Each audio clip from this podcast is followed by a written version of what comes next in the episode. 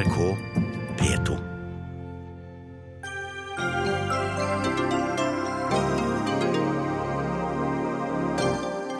UD burde betalt for å få nordmennene ut av Kongo, mener advokat Morten Furuholmen.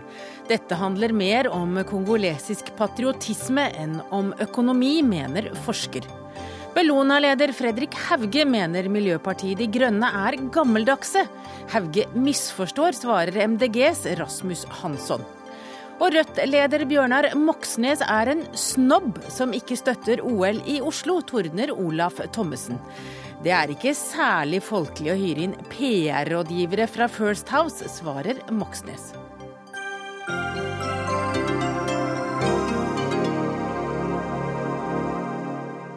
Ja, dette er noen av sakene i denne sendinga, men før sju skal Fleksnes-regissør Bo Hermansson og humorist Knut Nærum minnes Rolf Wesenlund.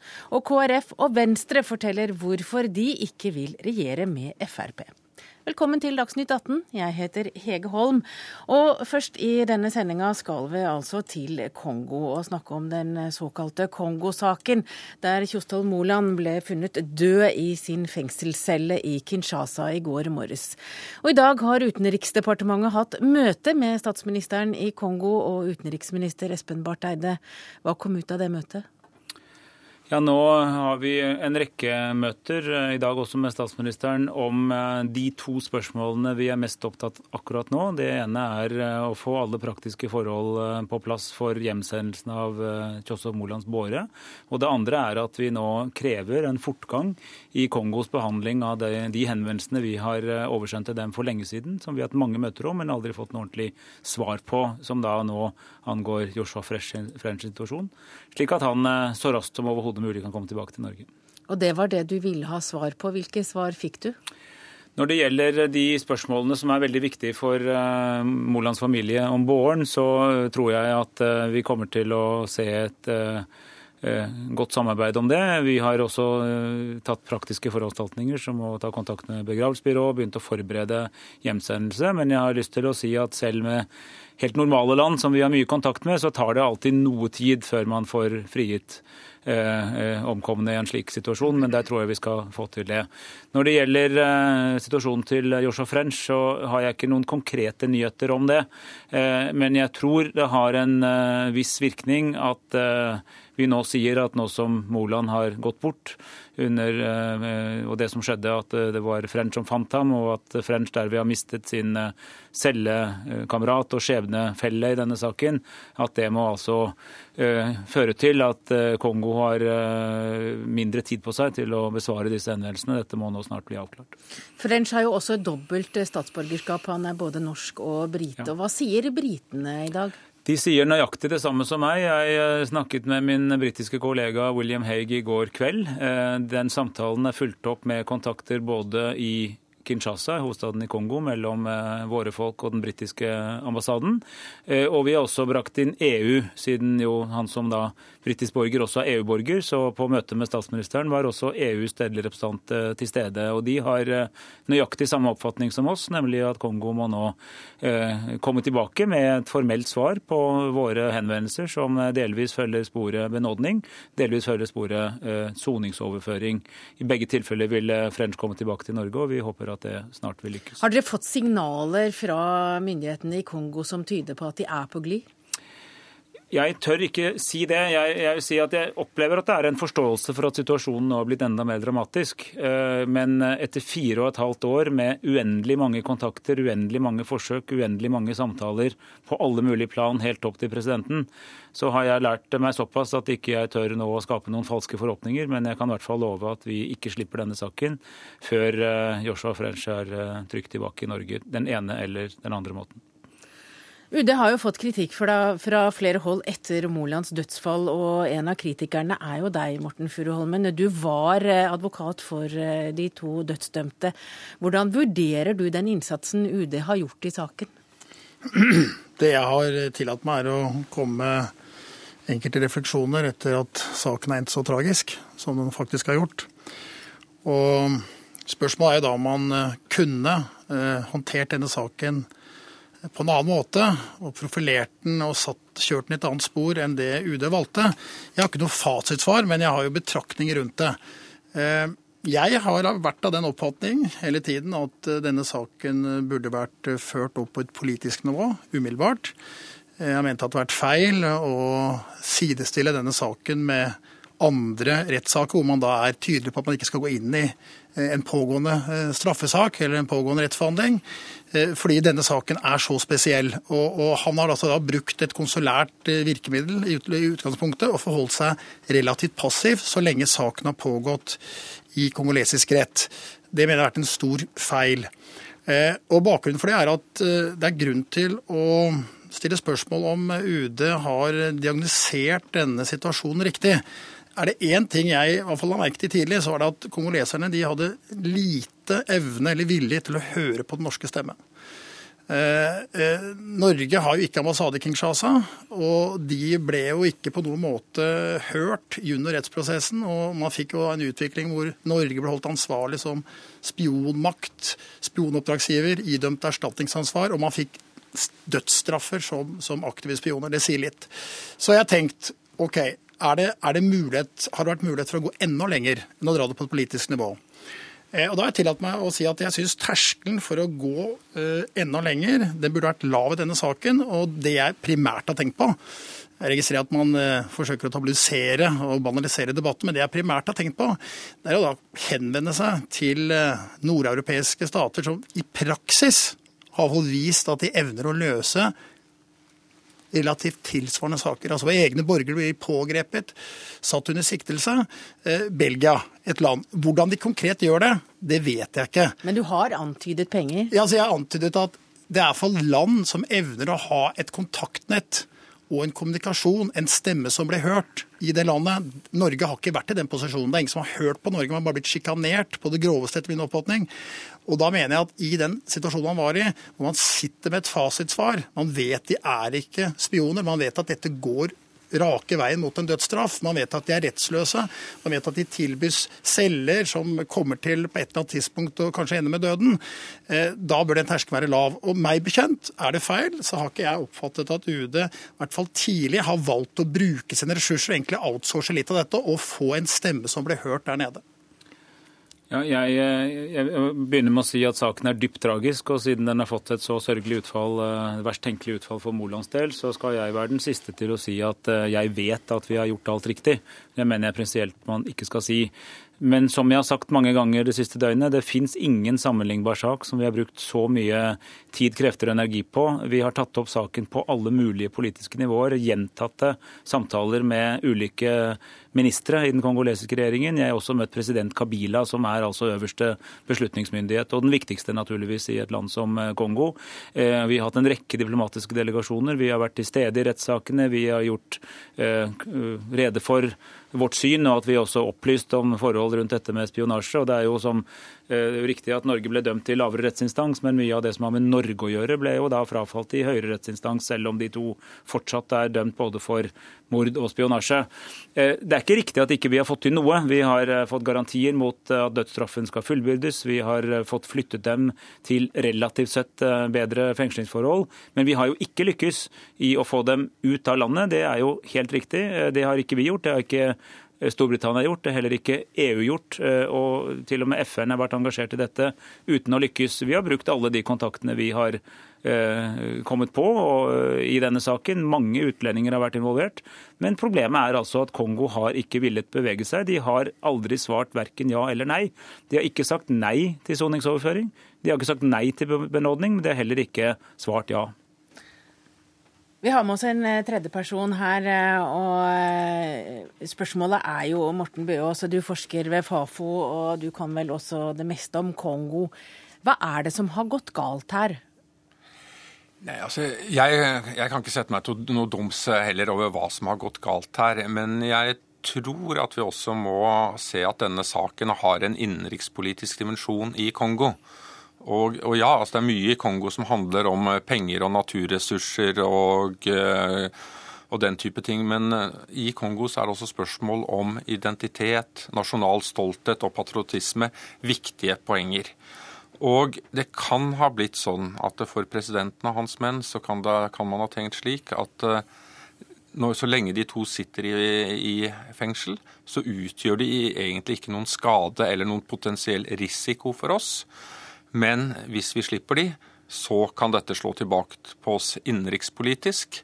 At vi blir fremstilt som noen som ikke står opp for kongolesere og for kongolesiske rettigheter, ikke står opp for eh, enken og de etterlatte til den eh, avdøde sjåføren og at dette blir brukt mot presidenten. For vi må huske på at dette er en president som gjentatte ganger, regelmessig av egen opposisjon, blir anklaget nettopp for å være svak, for ikke å være sterk nok overfor en omverden som ønsker å ødelegge og utnytte Kongo, og som også til og med blir anklaget for ikke å være ordentlig, skikkelig kongolesisk statsborger. Faktisk altså innimellom anklaget for å være en agent for rwandiske interesser. Så det, det, her kan ha ført til at de har tenkt at eh, Nei, vi trenerer, vi trenerer, vi trenerer, for vi vet ikke helt hva vi skal gjøre. Det er en risiko her. Vi får se om det kommer et punkt senere hvor vi kan uh, slippe dem.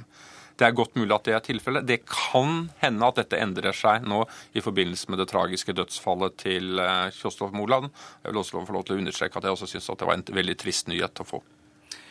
Jeg vil si at jeg syns det Morten Bøås sier her er veldig viktig å ta inn over seg. For jeg tror kanskje vi nå, eh, når vi går dypere inn i denne saken, er nødt eh, til å formidle det at dette må forstås i en veldig spesiell kongolesisk kontekst. Det er ingenting av det som gjør at ikke jeg kommer til å stå med fullt trykk på at disse to bør komme, eller altså at vi sto på at de to, nå én, nemlig Joshua Frenn, skal eh, komme hjem til eh, Norge. Men det er altså denne type overtone rundt dette, knyttet til hvor de ble arrestert, omstendighetene rundt det, nettopp i et område av Kongo hvor det jo kryr av leiesoldater, fremmede soldater, tvilsomme internasjonale selskaper med private sikkerhetsselskaper. Eh, og, og i den kongolesiske verdensforståelsen så tolkes hele denne saken inn i det bildet. Det kan vi mene er helt riv ruskende galt, men det er altså slik det ser ut i en kongolesisk kontekst. Men jeg tror da samtidig at uh, det kan tenkes at den tragiske vendingen saken har tatt, nettopp kan gi en anledning til å forklare også utad hvorfor man nå mener det er, har vært eh, tragedie nok, straff nok, og at eh, det kan virke til eh, Joshua Friends favør. men du, du, var jo i Kongo og besøkte de to fangene. og Det du får nå høre fra Bøås, er det, det ditt inntrykk også? Altså jeg, jeg, stiller meg litt tvilende til om denne saken har de innenrikspolitiske dimensjonene som man her fremhever. Jeg tror at uh, hadde man kommet inn tidlig, så tror jeg dette kunne vært løst uh, ganske raskt hvis man hadde gjort de riktige grepene. Og om det vil utløse sterke reaksjoner innad i Kongo hvis de nå raskt, eller om begge, da, hvis begge hadde levd, hadde blitt, blitt frigitt, det er jo spekulasjoner, selvfølgelig. Men om, men om det hadde avstedkommet nevneverdige reaksjoner i et land som har så store problemer, det ja, det, er, det, er ingen, det, er, ikke gitt at noen vet det, og jeg, jeg, stiller meg litt tvilende til det. Men jeg har bare lyst til å si litt når, når jeg hører Barth Eide. og jeg, igjen, jeg har sagt tidligere, jeg har opplevd at han har jobbet iherdig og virkelig målrettet ønsket å få en løsning på saken. Eh, jeg mener jo at det er eh, tidligere synder som har gjort eh, denne saken så fatal, og jeg har savnet et litt helhetlig struktur over innsatsen. og Der tror jeg nettopp konsekvensen ved å sette seg litt på side, sidelinjen ved å si at dette er en konsulær sak og vi kan ikke gå inn og kommentere, det har gjort at man da har, har mistet grepet på saken. Eh, et eksempel på hvordan denne saken har haltet litt frem. Det, er jo, det måtte jo en pressekonferanse til da, før, eh, før landets statsminister Stoltenberg eh, første gang skrev til Kabila. Og Det hadde gått mange år. Det er jo typisk noe man burde gjort veldig tidlig. Dette er jo øverste nivå. To to øverste statsledere som må ta, ta fatt i dette. Og det har vært liksom stadig kriser som det har utløst at man da får, får en, en, en, en, sånn umiddelbar reaksjon på hestehold. Så det har vært, etter min oppfatning, det er mulig det er feil, men, men, men jeg syns det har vært litt sånn rykk og napp. Og jeg har også hatt en følelse, kanskje også feil, at disse gutta har vært litt politisk litt uspiselige.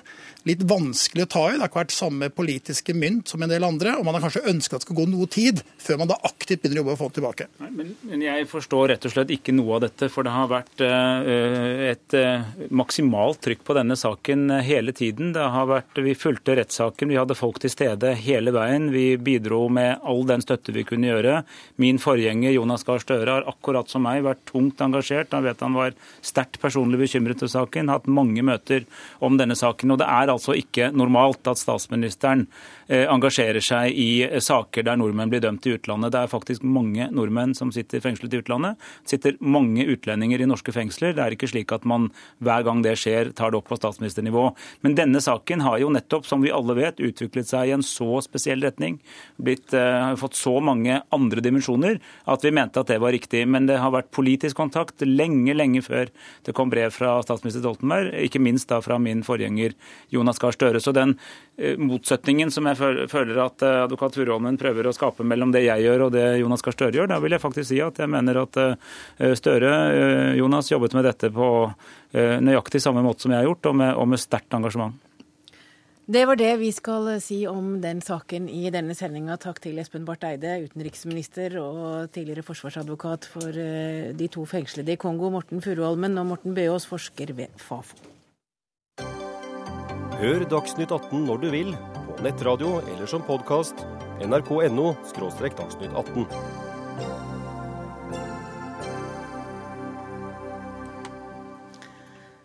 Ja, nå skal vi snakke om enda et uh, tragisk uh, dødsfall. I går så fikk vi alle vite at mannen som fikk alle til å le på tvers av generasjonene, Rolf Wesenlund, døde etter lengre tids sykdom.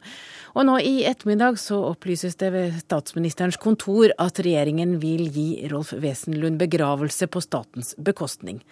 Den folkekjære komikeren har gitt oss mange uforglemmelige karaktertolkninger, annet Marve Fleksnes er vel en av de vi husker best. Et værbitt over vannet, høy og mørk, han stiger frem. Øker mest i dette landet han tør der de andre tier, og har solid bakgrunn for andres meninger. Gutten i buret lar seg ikke lure. Å nei! Og her hørte vi altså Rolf, Fleksnes, Rolf Wesenlund som var ved Fleksnes.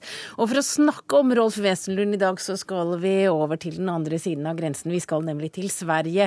Til deg, Bo Hermansson. Du er eh, regissør av Fleksnes-serien, og du er mangeårig samarbeidspartner. Hvordan hadde det seg at det ble akkurat Rolf Wesenlund som ble Fleksnes? Ja, jag jobbade ju tidigt med Rolf. Vi, vi träffades i Göteborg eh, 1966. Där Rolf och några till gästspelade på Liseberg och Harald Sten och några till. Och där fann vi varandra och bestämde vi skulle göra tv-program. Och sen gjorde vi det tv-program som i Sverige är Publikfriarna, det som blev Tack för det i Norge. Och när vi har gjort då de här revyprogrammen så tänkte vi vi vill göra någonting annat. Vi vill göra sitcom. Alltså små halvtimmes enaktare. Och då letade jag manuskript i London och hittade då materialet som sen blev Fleksnes. Du visste at det måtte være Rolf Wesenlund? Ja, når jeg leste det her grunnmaterialet, den heter Hancocks Half Hour på engelska, så sa jeg det her er noe for Rolf. Og så tog vi det naturligvis til oss og bearbeidet det. Og så gikk det som det gikk. Hvor mye av Wesenlund var det i skikkelsen? Mycket. Och det är det som jag sagt nu den sista dagen att det som var mest imponerande med Rolf när han gjorde Fleksnes, det var hans mod. För det är klart att ska man få en fiktiv skikkelse att bli kött och blod, att bli någonting mer än en fiktiv skikkelse så måste man ju plocka in både sina goda og dårlige sider i skikkelsen. Og det er klart at Fleksnes er en stor del av Rolfs egne dårlige sider. Og det våget han og hadde modet å plukke inn i figuren og det er derfor det fungerte. Du skal være med oss videre. Vi har også med oss Knut Nærum. Du er jo komiker, og du er fast paneldeltaker i NRKs Nytt på nytt.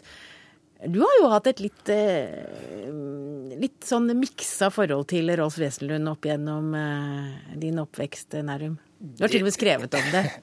Ja, jeg, jeg har beklaget meg. Eh, for jeg har, jeg har oppdaget for sent hvor dyktig Wesenlund eh, var. Hva for en stor komiker han, eh, han var gjennom flere perioder. Du så alle Fleksnes-episodene da du var barn, og så tok du litt avstand fra han. han. Du ble en kul ungdom, og så fant du han igjen som voksen. Det, det er riktig. Jeg tilhører Jeg var den gangen den, den typen ung mann som ikke kan tillate seg å like det som er veldig populært, det som folk flest liker. Det, det har jeg nå heldigvis vokst fra. Nå er du gammel nok. Men hva var det med Rolf Wesenlund som gjorde han til en stor komiker? Jeg tror det er to ting. Eh, Det første er at eh, på 60-tallet så, så var det han som brakte den nye humoren til Norge. Altså han, han står i front for en ny og moderne form for humor. Det er nye emner å le av, det er nye måter å fremføre det på. Så eh, nybrottsarbeid, rett og slett. Og Seinere, på, på 70-tallet og utover, som Fleksnes og også med disse store scenerollene, Jeppe Bør Børson, eh, eh, så, så byr han på en, en sårhet. og Den er synlig allerede fra, fra Fleksnes. Fordi at, ja, Fleksnes han er ikke noen umiddelbart trivelig fyr. Han har dårlige egenskaper, men innerst i dette her, eh, så er det noe fryktelig trist. Som, som gjør det morsomme morsommere, men som også gjør at det er humor som, som har en lang levetid. For vi, vi skal jo vi skal fortsette å le av det som Wesenlund har gjort. Ja, Hermansson, i går så hørte jeg en, eh, en eh, Jeg tror det var Disen, Andreas Disen som sa at det- Rolf Wesenlund drev med, var litt sånn impro-jazz alltid. Verbal improvisasjonsjazz. Særlig han og Harald Heide Steen. Den musikaliteten hans, var det noe du merket også når du holdt på med revyene? Absolut, för jag tycker man, man, nu minns vi Rolf som Flexnes, men jag tror det, han gjorde ju den stora insatsen då i, i mitten på 60-talet. For För Rolf kom ju från en helt annan miljö. Han var ju musiker i grund och botten och skivproducent och kom in lite på sidan i teater och revy. Och han förde ju då in en, en musikalitet eh, i sättet att behandla språket. Och eh, som jazzmusiker var jag improviserad och han var ju lika stor improvisatör verbalt som vi då utnyttjade ibland i Flexnäs. Där ibland i vissa avsnitt som sa att här, här dör det lite. Nu får du tre minuter, nu får du vad jag kallar verbaljamma. Eh, och så fick han då blomma. Och det menar jag man ska minnas Rolf för att när han på mitten på 60-talet han förde in en slags vad ska jag kalla anarkistisk ton, det er ett förhållningssätt till att göra revy. Tidigare revyer, Jeanne har allt detta, det har varit kupletter, visor, sketcher monologer skrivna. Eh, Bara för att ta ta exempel, ett exempel till hur då verbalt löste en situation, typ klassiska sketchen Tandläkaren. Den började med att vi vill göra någonting om åsiktsförtryck. Och så pratade vi runt det. Och vad skulle man kunna hu- hitta det ultimata åsiktsförtrycket utan det ska behöva vara dödligt våld? Ja, då tar vi tandläkaren och hans patient. Det var utgångspunkten. Och sen var det då för Rolf och Harald, här är situationen.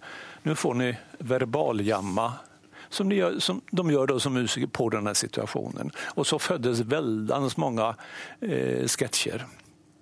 Enda svakheten var med om at vi fikk aldri noen poeng på slutet. Et mareritt, vil jeg si, for skuespillere som ikke var like, like jazzinteressert og like gode til å jamme. Nei, og da, da då hade vi problem når vi da typ i Fleksnes hadde motskuespillere som ikke var van vid Rolfs sett å arbeide. Han fulgte ju naturligtvis manuskript og sånt, det fungerte. Men vi anvendte den teknikken. tekniken. Ibland fick vi skuespillere som var panikslaga, panikslagna. Vi spilte jo inn det her med publik i studio og var helt panik og stendøde. Då började Rolf, i den lilla scenen, den stackaren här, han är stedöd, sätta igång och verbaljamma med honom. Då blir han ännu mer förtvivlad och så lever det. Knut Nærum, hva tar vi med oss fra Wesenlund videre? Altså, jeg, jeg er jo fortsatt imponert. Jeg har jo sett på disse gamle tingene på nytt nå. og Jeg er imponert over, over hvor, hvor friskt det er, hvor, hvor frekt det er. Altså 60-tallstingene. Fordi de er fulle av, eh, som, som Bo, sier her, altså det er jo store og vanskelige emner. Eh, med undertrykking av meninger, men framført som en tannlegesketsj. Så dette her å, å utvide feltet eh, Og han jobbet i alle medier som fantes den gangen. Så, så det er det ene. Og det andre er eh, det musikalske. Det å ta komikerfaget sitt, det å ta fremførelsen såpass på alvor og ta i bruk det musikalske. Og det kan du også høre, ikke bare, ikke bare i de improviserte delene, men også hvordan han behandlet et manus, hvilken, en, hvilken timing han hadde. jeg tror det, altså En, en timing som, som de fleste av oss som driver og tuller og tøyser med vitser nå, bare kan drømme om å skaffe oss. Og for ikke å snakke om motet. Det også. Takk til deg, Knut Nærum, eh, komiker i denne, i denne sammenheng, og Bo Hermansson, Fleksnes-regissør og mangeårig samarbeidspartner med Rolf Wesenlund.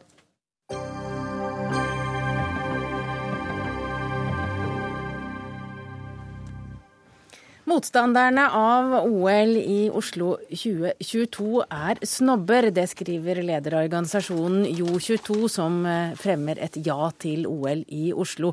Olaf Thommessen i et blogginnlegg i Nettavisen i dag. Og du skriver faktisk at dette vitner om snobbisme av verste sort, Olaf Thommessen. Hva er det som er så snobbete ved å være mot OL?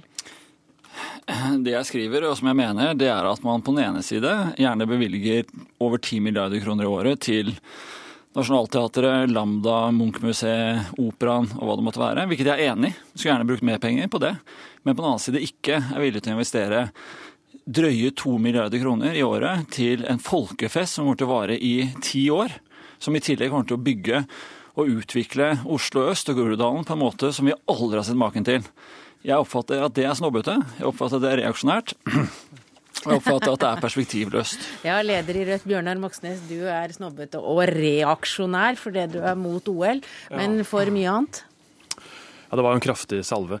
Altså, Det, det fins, men det fins eh, sannsynligvis en, del, eh, en god del kultursnobber eh, som utelukkende ler med vennene sine i Ullevål Hageby eh, og ser ned på både OL og idrett og sport og moro.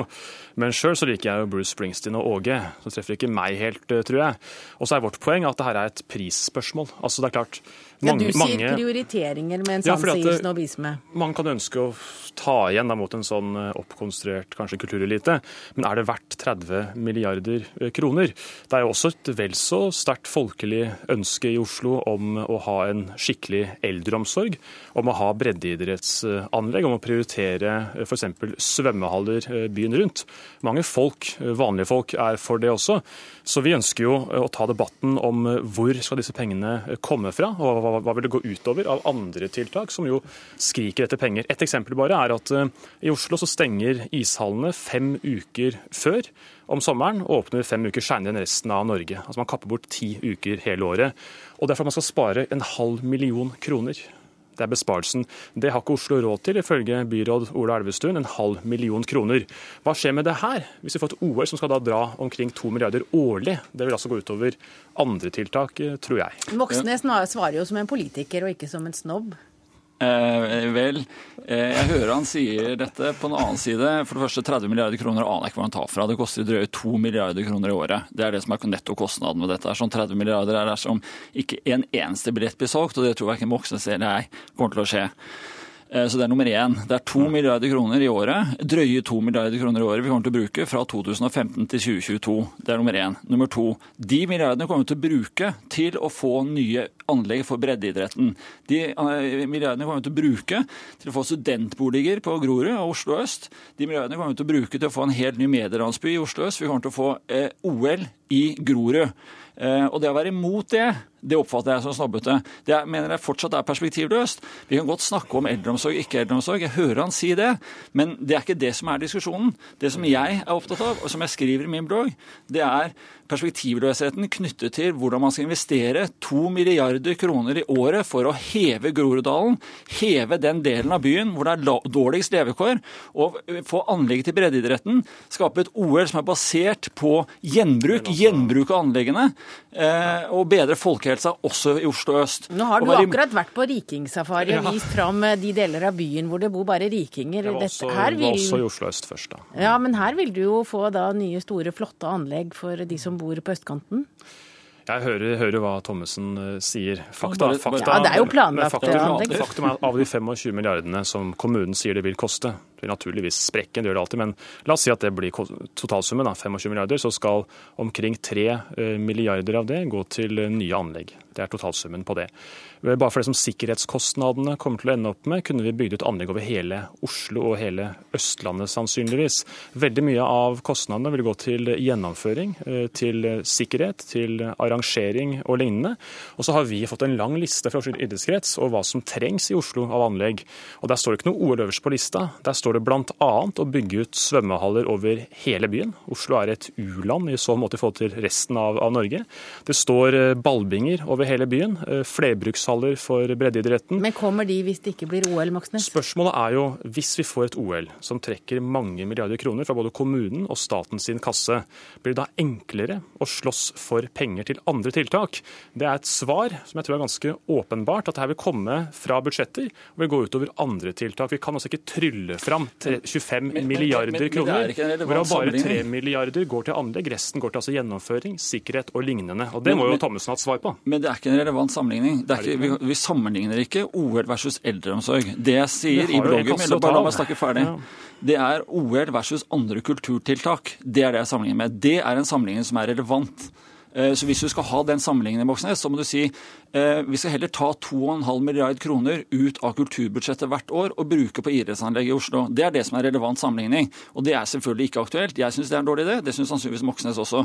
Så det vi snakker om her, det er en ekstra tilførsel på drøye 2 milliarder kroner til folkekultur, til folkefest, til noe som kommer til å være et integrasjonstiltak knyttet til en dugnad på Oslo øst som vi ikke har sett maken til. Vi kommer til å få nasjonal dugnad for å få hevet den delen av landet, når, nemlig Oslo øst, med dårligst ja, levevilkår i hele men, Norge. Men Thommessen, hvorfor bryr du deg om, eh, om eh, Moxnes og Aslak Sira Myhre, som du var her i studio og diskuterte OL med før i sommer? Kan du ikke bare la de få lov å være mot OL, og så kan du drive med ditt? Nei, vi vil, jo, vi vil jo veldig gjerne ha, ja, vi vil gjerne ha en diskusjon. Jeg syns både Moxnes og Sira Myhre og Katrin Sandnes og mange andre er mennesker som det er naturlig og verdt å høre på. Og diskusjonen er nyttig og god. Og ikke minst er det nyttig å få fortalt eh, her og nå at uh, sammenligningen mellom OL og eldreomsorg er irrelevant. Det, er det, som, er, det som er, relevant sammenligning, Men penger er jo penger. OL versus andre kulturtiltak. Og vi ønsker, eller jeg og Jo22 ønsker altså å bruke to milliarder kroner i året på folkefest og folkekultur og, eh, og, utvikling av Oslo øst. Ja, ja, det, det er, ja. Det som du da ikke, ikke, har et svar på, la oss da si at det handler utelukkende om penger til en idretts- og kulturpott, som det jo ikke gjør, men la oss si at det er utgangspunktet. Da er spørsmålet den summen som bare skal gå med til sikkerhetstiltak, som er langt over den summen som går til nye anlegg, som er da på 3 milliarder, hvorfor ikke bruke disse pengene direkte på anlegg som vi trenger i Oslo for breddeidretten, ikke som er tilpassa IOC sine krav? Du må innrømme at eh, OL på Lillehammer var gøy. Var og det gjorde mye. Ja, og Spørsmålet er bare står moroa i forhold til regninga. Det er spørsmålet. Og disse pengene som skal brukes på OL, er det vel anvendte penger, eller kan det brukes bedre alternativt? Vi er da for annen pengebruk, eh, så er Thommessen for. Du føler deg ikke som en festbrems nå, da? Uh, ja, litt. Men samtidig så, så tenker jeg ja, veldig snobbete ifølge Oslo Venstre. Uh, pengene kan brukes bedre på så masseidrett framfor dette IOC-arrangementet. Og det er det helt sikkert mange som er enig med deg i, Bjørnar Moxnes. Takk for at du kunne komme komme. Takk også til Olaf Thommessen.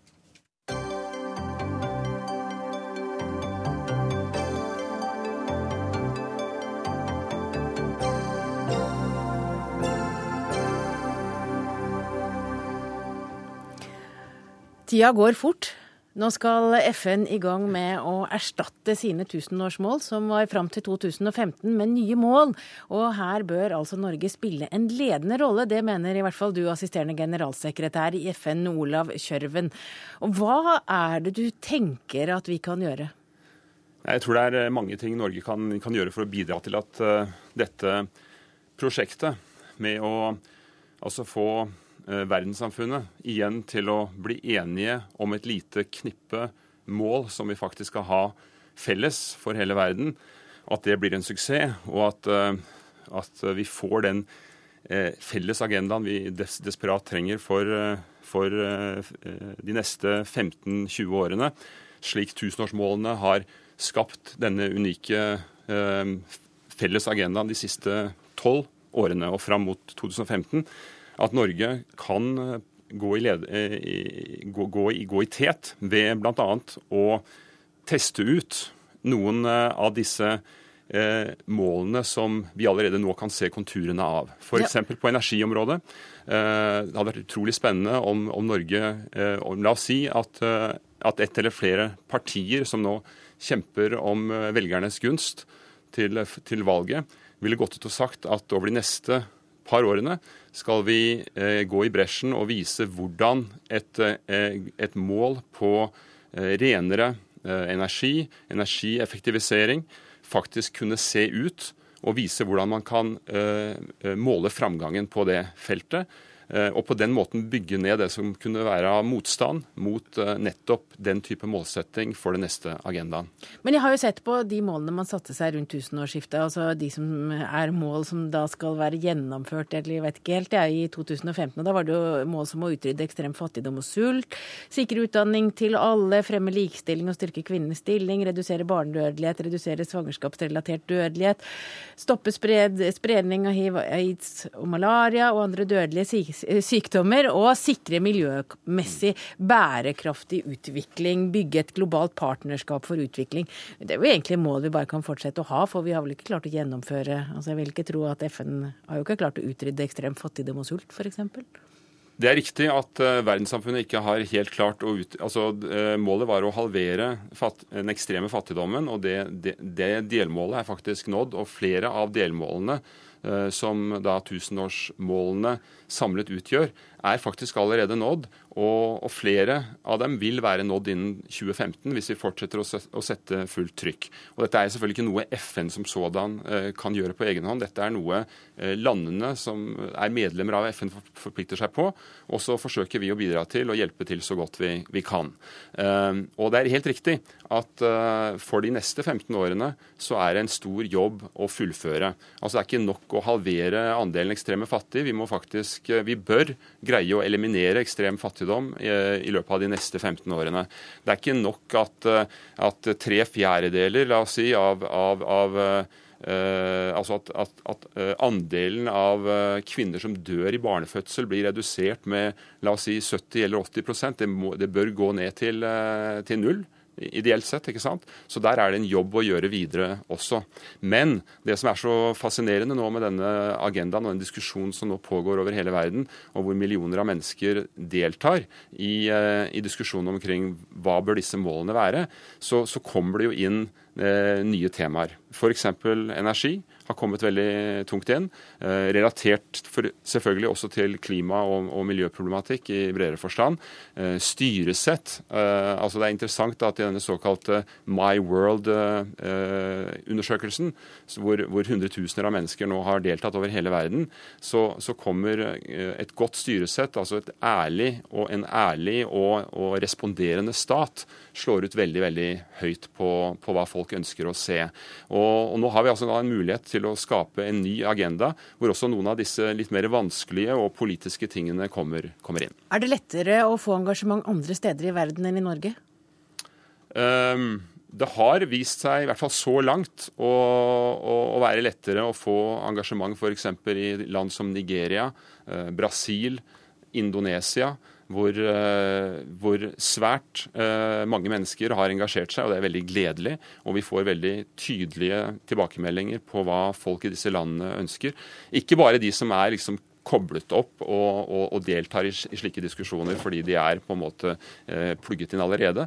Men også folk som da vi har oppsøkt, eh, nærmest landsby for landsby i, i mange av disse, disse landene.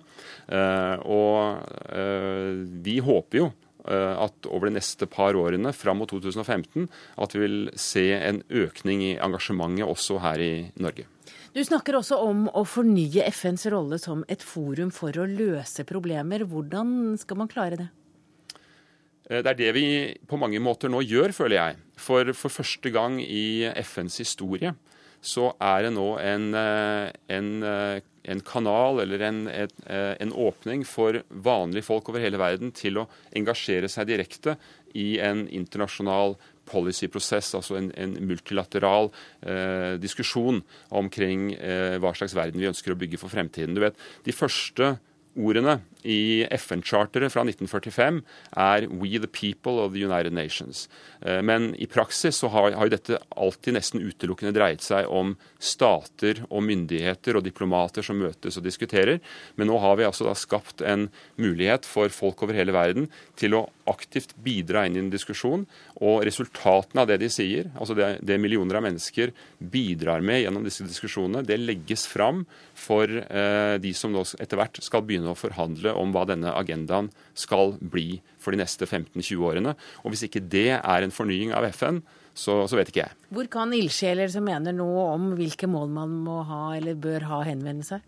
De kan henvende seg til uh, nettopp denne My World-undersøkelsen, uh, som er tilgjengelig for alle på, på nettet. Uh, de kan også engasjere seg gjennom organisasjoner i Norge som allerede er eh, veldig involvert i dette arbeidet, og som jobber eh, med internasjonale partnere omkring denne agendaen, enten det er miljøorganisasjoner eller det er organisasjoner som, som steller med, med, ting som korrupsjon og styresett, eller eh, med helse og utdanning osv. Så, videre. og, og så det er mange måter å engasjere seg på. Og du som assisterende generalsekretær i FN, du sitter og samler alle tankene og ser hva dere kan gjøre med dem. Ja, vi gjør så godt vi kan med det. Takk til deg, Olav Kjørben.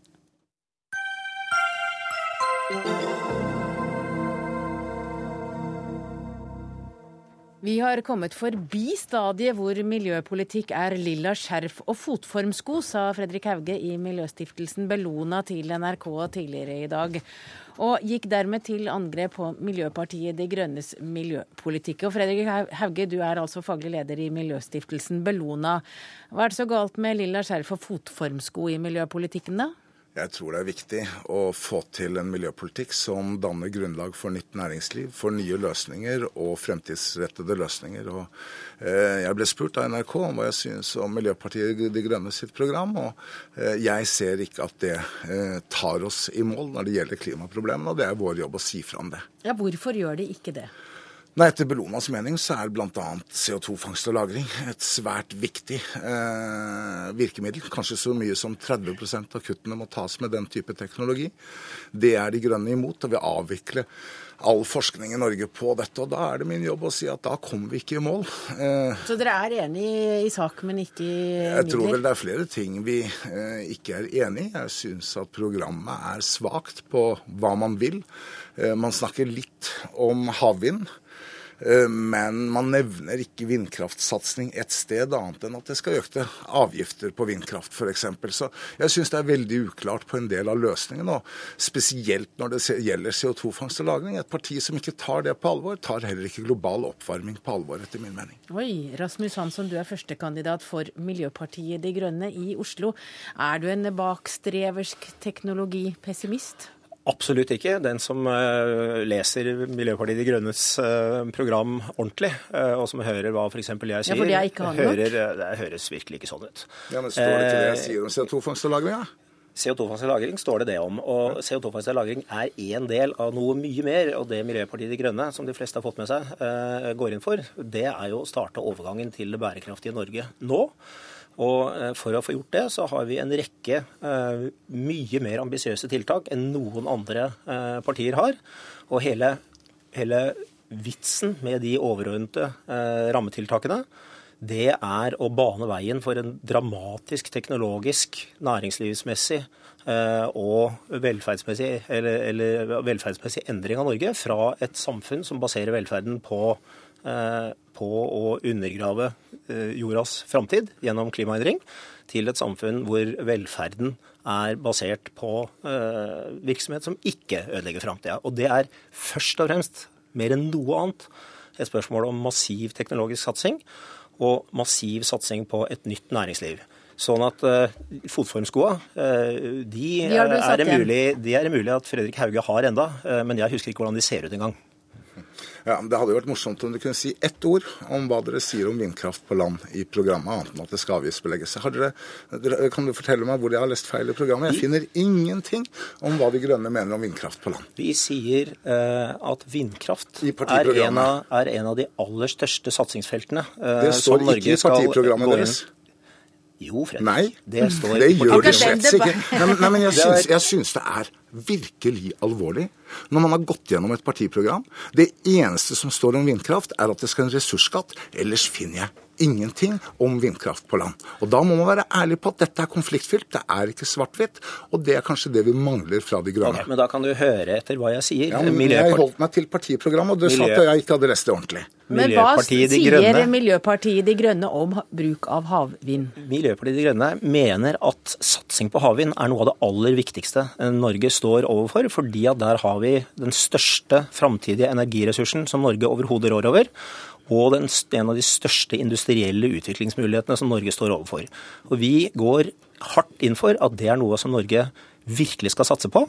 Eh, og det er bare ett av svært mange områder hvor vi eh, vil satse på ny forskning og ny teknologi, og framfor alt et samfunn som flytter ressursinnsatsen sin fra der hvor vi har den i dag, nemlig til lengst mulig eh, oljeavhengighet og over til et samfunn som uh, satser alle ressursene sine på å bygge det bærekraftige samfunnet som alle vet at vi må Men, over i. Hauge, har du alle... lest det partiprogrammet som fanden leser Bibelen omtrent? Nei, og jeg ser hva man ser om havvind. Eh, og vi er også for vind. Men som Rasmus sier, der må det forskning og utvikling til. Vindkraft på land har vi teknologi for å sette opp der her og nå. Og det tør man ikke å si noen ting om, for det er så mange av ja, Men da hører du meg si noe om det. Nei men, nei, men, det er tross alt et partiprogram ja. som skal ligge til grunn for Og jeg representerer det. Det er et partiprogram som vi har gått gjennom, og det er det vi har kommentert i dag. Der står det ingenting om vind. Så ser jeg at Rasmus Hansson sier at vi skal ha vind istedenfor CO2-fangst og -lagring. Jeg sier det er helt nødvendig å gjøre begge deler, og det er naivt å ikke tro noe annet. Truls Gullåsen, du er leder i Greenpeace Norge, og her hører vi altså Hauges oppfatning av Miljøpartiet De Grønne. Er han representativ for miljøbevegelsen og deres syn på det nye partiet i Norge, da? Han virker ikke representativ for noen av de i den øvrige norske miljøbevegelsen som jeg har vært i kontakt med i dag, og som har sagt forskjellige ting i forskjellige kanaler.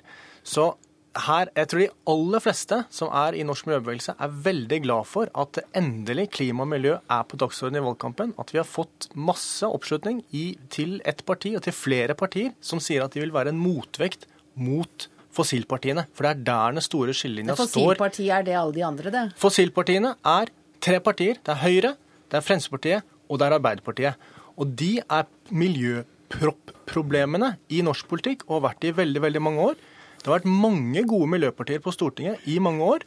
Og nå har vi fått ett til, og jeg syns det er kjempespennende at vi gjennom det har fått til en helt annen diskusjon om sentrale norske miljøtemaer i de siste ukene. Det dreier seg om hvor mye vi skal satse på oljesektoren, om vi skal ha en temposkifte i oljesektoren, om vi skal ha en storsatsing på alternative samfunn, om vi skal se på forbruksveksten.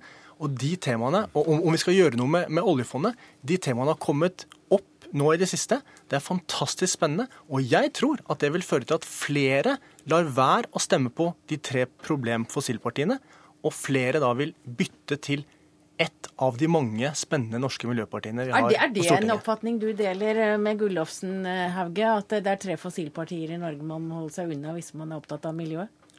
Det er slik at Hvis du tar helt konkrete saker, som f.eks. Lofoten og Vesterålen, så er de tre nevnte partiene eh, en, en skummel kombinasjon. og Det er vi enige om. Samtidig så må jeg jo si at f.eks. Bondevik gikk av på CO2-fangst- og lagringsspørsmål, viste stor integritet på det. Eh, Arbeiderpartiet og Høyre erkjenner behovet for CO2-fangst og -lagring. Det er ikke så rart at Gullåsen og Greenpeace ikke støtter det. Eh, I motsetning til f.eks. i Greenpeace England, som er for CO2-fangst og -lagring, så er ikke Gullåsen det. Så, der er vi rett og slett uenige. Eh, min jobb er å si noe om kan dette her tas i mål? Og I så måte så inneholder Miljøpartiet De, Grønne sitt program masse gode intensjoner, men veien til helvete er også brolagt med slike intensjoner. Og når man så blankt avviser CO2-fangst og -lagring, og sier man skal kutte ut all forskning på det, så syns jeg det er Eh, det er en form for miljøpolitikk hvor vi ekskluderer et av de kanskje viktigste klimatiltakene. Og det reagerer jeg veldig på. Det er min jobb å forhindre at det skjer. Et annet eksempel er jo at man skal ut av all internasjonal kvotehandel.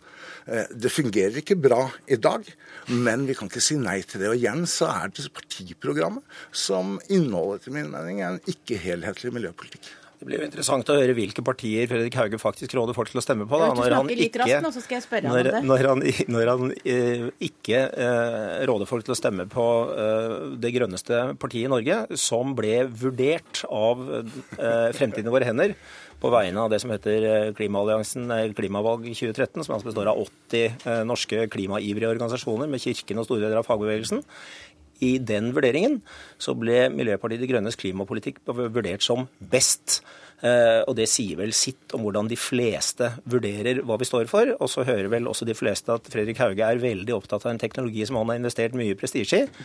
Det er helt ålreit, men det må være lov å mene andre ting om, eh, om eh, klimajobb. Og da nikker Gullofsen. Men, men før vi gir oss her, hvilket politisk parti mener du at miljøbevisste nordmenn skal stemme på ved valget? Jeg håper at den enkeltsaken som teller i år, er Lofoten og Vesterålen. Absolutt. At folk stemmer i forhold til det. Det er flere alternativer. Jeg har ikke sagt noe om hva folk skal stemme i denne sammenhengen. Jeg sier at det De Grønne legger fram, står f.eks. i sterk kontrast til hva lederen for FNs klimaforhandlinger, eh, Figueres, sa i fjor. Vi er nødt til å utvikle CO2-fangst og -lagring for også å kunne lage karbonnegative strategier.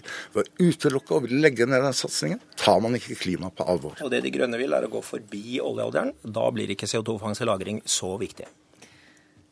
Det var siste ord i akkurat denne saken. Takk til deg, Fredrik Hauge, faglig leder i Miljøstiftelsen Bellona, Truls Gullofsen, leder i Greenpeace Norge, og Rasmus Hansson, førstekandidat for Miljøpartiet De Grønne i Oslo.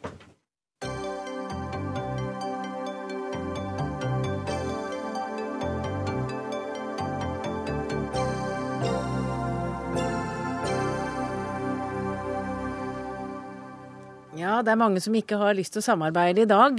Her kommer eh, KrF og Venstre, som i dag har gått til felles front mot Fremskrittspartiet, og advarer mot konsekvensene av en blå-blå regjering. I Dagsavisen lister de opp en rekke punkter som de vet Frp ikke vil samarbeide om. Vi starter med deg, Knut Arild Hareide, du er leder i KrF.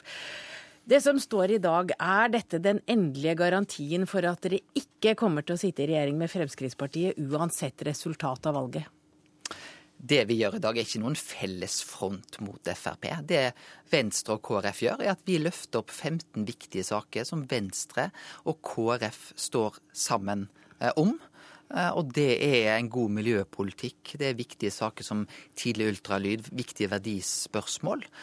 Eh, og Jeg skal ikke nevne hele den lista. Men det blir jo oppfattet slik? Eh, og til ditt spørsmål så sier du hva er vårt svar på dette med regjeringsspørsmålet? Jo, der har vi sagt, eh, iallfall KrF har sagt nå et år, at vi ønsker å snakke sammen med alle partiene som ønsker å bidra til et skifte etter valget så har vi også hele veien sagt at vi tror det er lite sannsynlig at det blir en firpartiregjering. Nettopp pga. den politiske forskjellen. Og det viser jo denne lista i dag, annet. For det er viktige saker både for Venstre og KrF. Og det er klart at noen av de sakene her er ikke Høyre enig med oss i.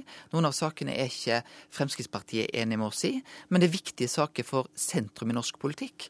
Og det de egentlig viser, vi ser jo på mange meningsmålinger nå, at det kan jo veldig lett bli et blå-blått flertall. Da vil disse 15 sakene her få en vanskelig skjebne. Men poenget er med et sterkt sentrum, med et sterkt Venstre og KrF, så vil vi kunne bruke vår eh, politiske innflytelse nettopp i disse sakene. Så det er ikke noen front mot verken Høyre eller Frp, men det er å si til velgerne veldig tydelig her har dere noen viktige saker. Det kan nå gå mot et skifte, og det er sentrum KrF og Venstre som vil ivareta posisjonene på disse sakene på en best mulig måte. Men for mange av velgerne som er engstelige for at et ja til KrF også kan bety ja til regjering sammen med Fremskrittspartiet, så sier du nå fra at det blir det ikke? Ja, det Jeg sier det jeg alltid har sagt, eller jeg har sagt det siste året etter at KrF gjorde sitt vedtak. Vi vil snakke med alle partiene, men å tro at det blir en firpartiregjering, sier vi er lite sannsynlig. Og det er pga. den politiske forskjellen. Og jeg opplever at eh, Venstre har noe av den samme tilnærmingen. Har dere det, Trine Skei Grande, du er leder i Venstre? Ja, absolutt. Og jeg må bare si at jeg har aldri oppfordra noen til å ikke stemme nå. I dag har jeg vært rundt og snakka med, med, flere hundre skoleelever der jeg hadde bare ett poeng til dem, det var at de måtte huske å stemme. Så, så, det er ikke poenget. Poenget vårt er å fortelle hva som er forskjellen. Hvis eh, i regjering der sentrum eh, får muligheten til å påvirke politikken sterkt, eller der sentrum er borte. Og Det syns jeg jo at, at velgerne må få vite. At det er forskjellen på en mørkeblå regjering eller en blå-grønn regjering. Det er forskjell om vi får lov til å beholde pappapermen. Det er forskjell om vi holder viktige tradisjonsting som nynorsken og, og en karakterfri skole.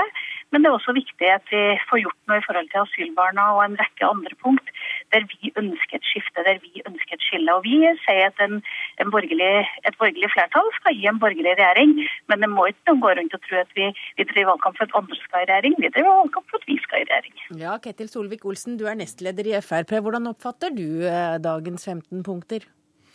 Det er helt legitimt for eh, Venstre og KrF å markere hvilke særstandpunkter de har. Fremskrittspartiet kommer òg til å vise hvor vi skiller oss av, ved at vi vil ha mer offensive skattelettelser fordi det er viktig for norsk næringsliv. Vi vil ha en satsing på vei og jernbane med å investere oljeformuen der istedenfor å låne penger fra utlandet. Og vi vil ha en strengere asylpolitikk.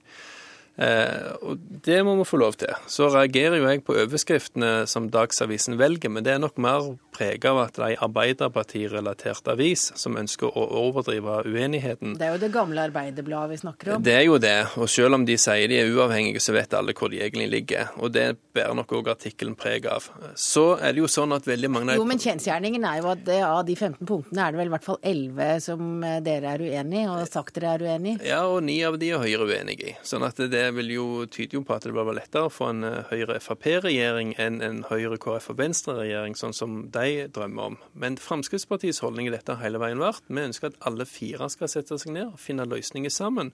Da er du uheldig hvis noen begynner å forsøke å ekskludere hverandre. Eh, det som velgernes oppgave her, det er å si vil de ha en ny regjering. og Da må de stemme på en av de fire opposisjonspartiene.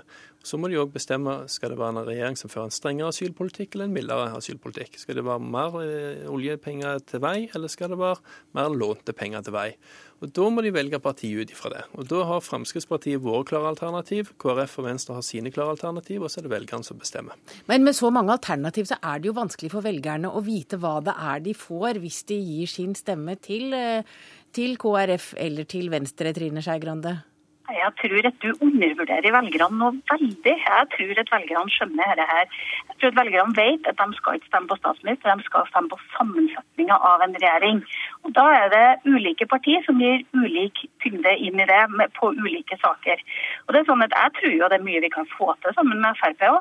Jeg vet at Venstre og Frp var de to første partiene som gikk for femårig lærerutdanning. Jeg regner med at vi skal være på laget for å få til det. Mange av de klimaforslagene som Venstre har, får vi støtte av Frp. Noen må vi presse gjennom. Det jeg ber velgerne om, er mest mulig tyngde for å presse gjennom viktige klima- og skolesaker, viktige fattigdomssaker og næringslivssaker som står på vårt partiprogram. Og Da får velgerne gi oss ulik tyngde inn i det samarbeidet, og så skal vi sette oss med og så skal vi, vi forhandle. og Da tror jeg også at vi kommer til en, til en godt balansert enighet. Men jeg ber om velgerne sin tyngde inn i de forhandlingene. Ja, og Der tror jeg òg velgerne ser forskjellen på partiene. Og så ser de et helt annet samarbeid på borgerlig side nå enn det de gjorde for fire år siden. Nå snakker vi sammen, vi viser tillit. Selv om vi er uenige, så prøver vi ikke å mistenke hverandre og tillegge hverandre negative motiv. Eh, og det er jo veldig mange plasser der vi drar i sammen når det gjelder familiens situasjon i samfunnet, når det gjelder satsing på frivillig sektor, når det gjelder troen på at næringslivet er viktig, og at du ikke skal styre alt fra statens side. Og Det er viktige linjeskiller med en ny regjering sammenlignet med dagens regjering.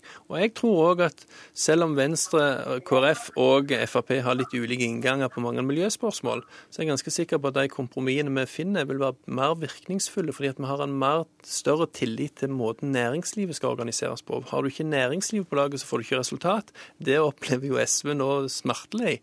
Derfor vil Frp i, i regjering òg bidra til en mer offensiv miljøpolitikk, selv om vi har andre løsninger enn Venstre i utgangspunktet. Men Hareide, altså hvis det er slik at man da, Nå advarer jo dere mot eh, konsekvensen av en blå-blå regjering, eh, eller at Høyre samarbeider med ytterkanten i norsk politikk. Men er det ikke bedre at eh, dere som tilhører midtfløya, bare holder, holder dere for nesa og heller er med innenfor enn å stå utenfor? At dere har større påvirkningskraft? Det er klart at Noen saker så vet en helt klart at sitter en i regjering, så har en større påvirkningskraft. Det er en klart av den vurderingen må gjøre opp mot det at det ikke må bli for stort politisk spenn i en regjering. Men jeg tror at velgerne har veldig stor forståelse at de skal få lov til å si hva de mener først, før alle beslutninger blir tatt her. Jeg tror velgerne forstår veldig godt at vi må vite sammensetningen på, på Stortinget. For KrF sin del så må vi ha styrke òg til å gå inn i regjering. Vi vet at det har en viss kostnad med å være i regjering. Vi er nødt til å ha politisk gjennomslag. Men en kommer altså ikke bort fra at eh, en regjering, en flertallsregjering bestående av de to blå-blå partiene, vil føre en annen politikk enn en regjering som er enten avhengig eller har sentrum med som et stor tyngde. Og det var siste ord i denne debatten, for vår tid er over. Ansvarlig for sendingen var Siri Storstein Hytten, teknisk ansvarlig Lisbeth Sellereite. Jeg heter Hege Holm.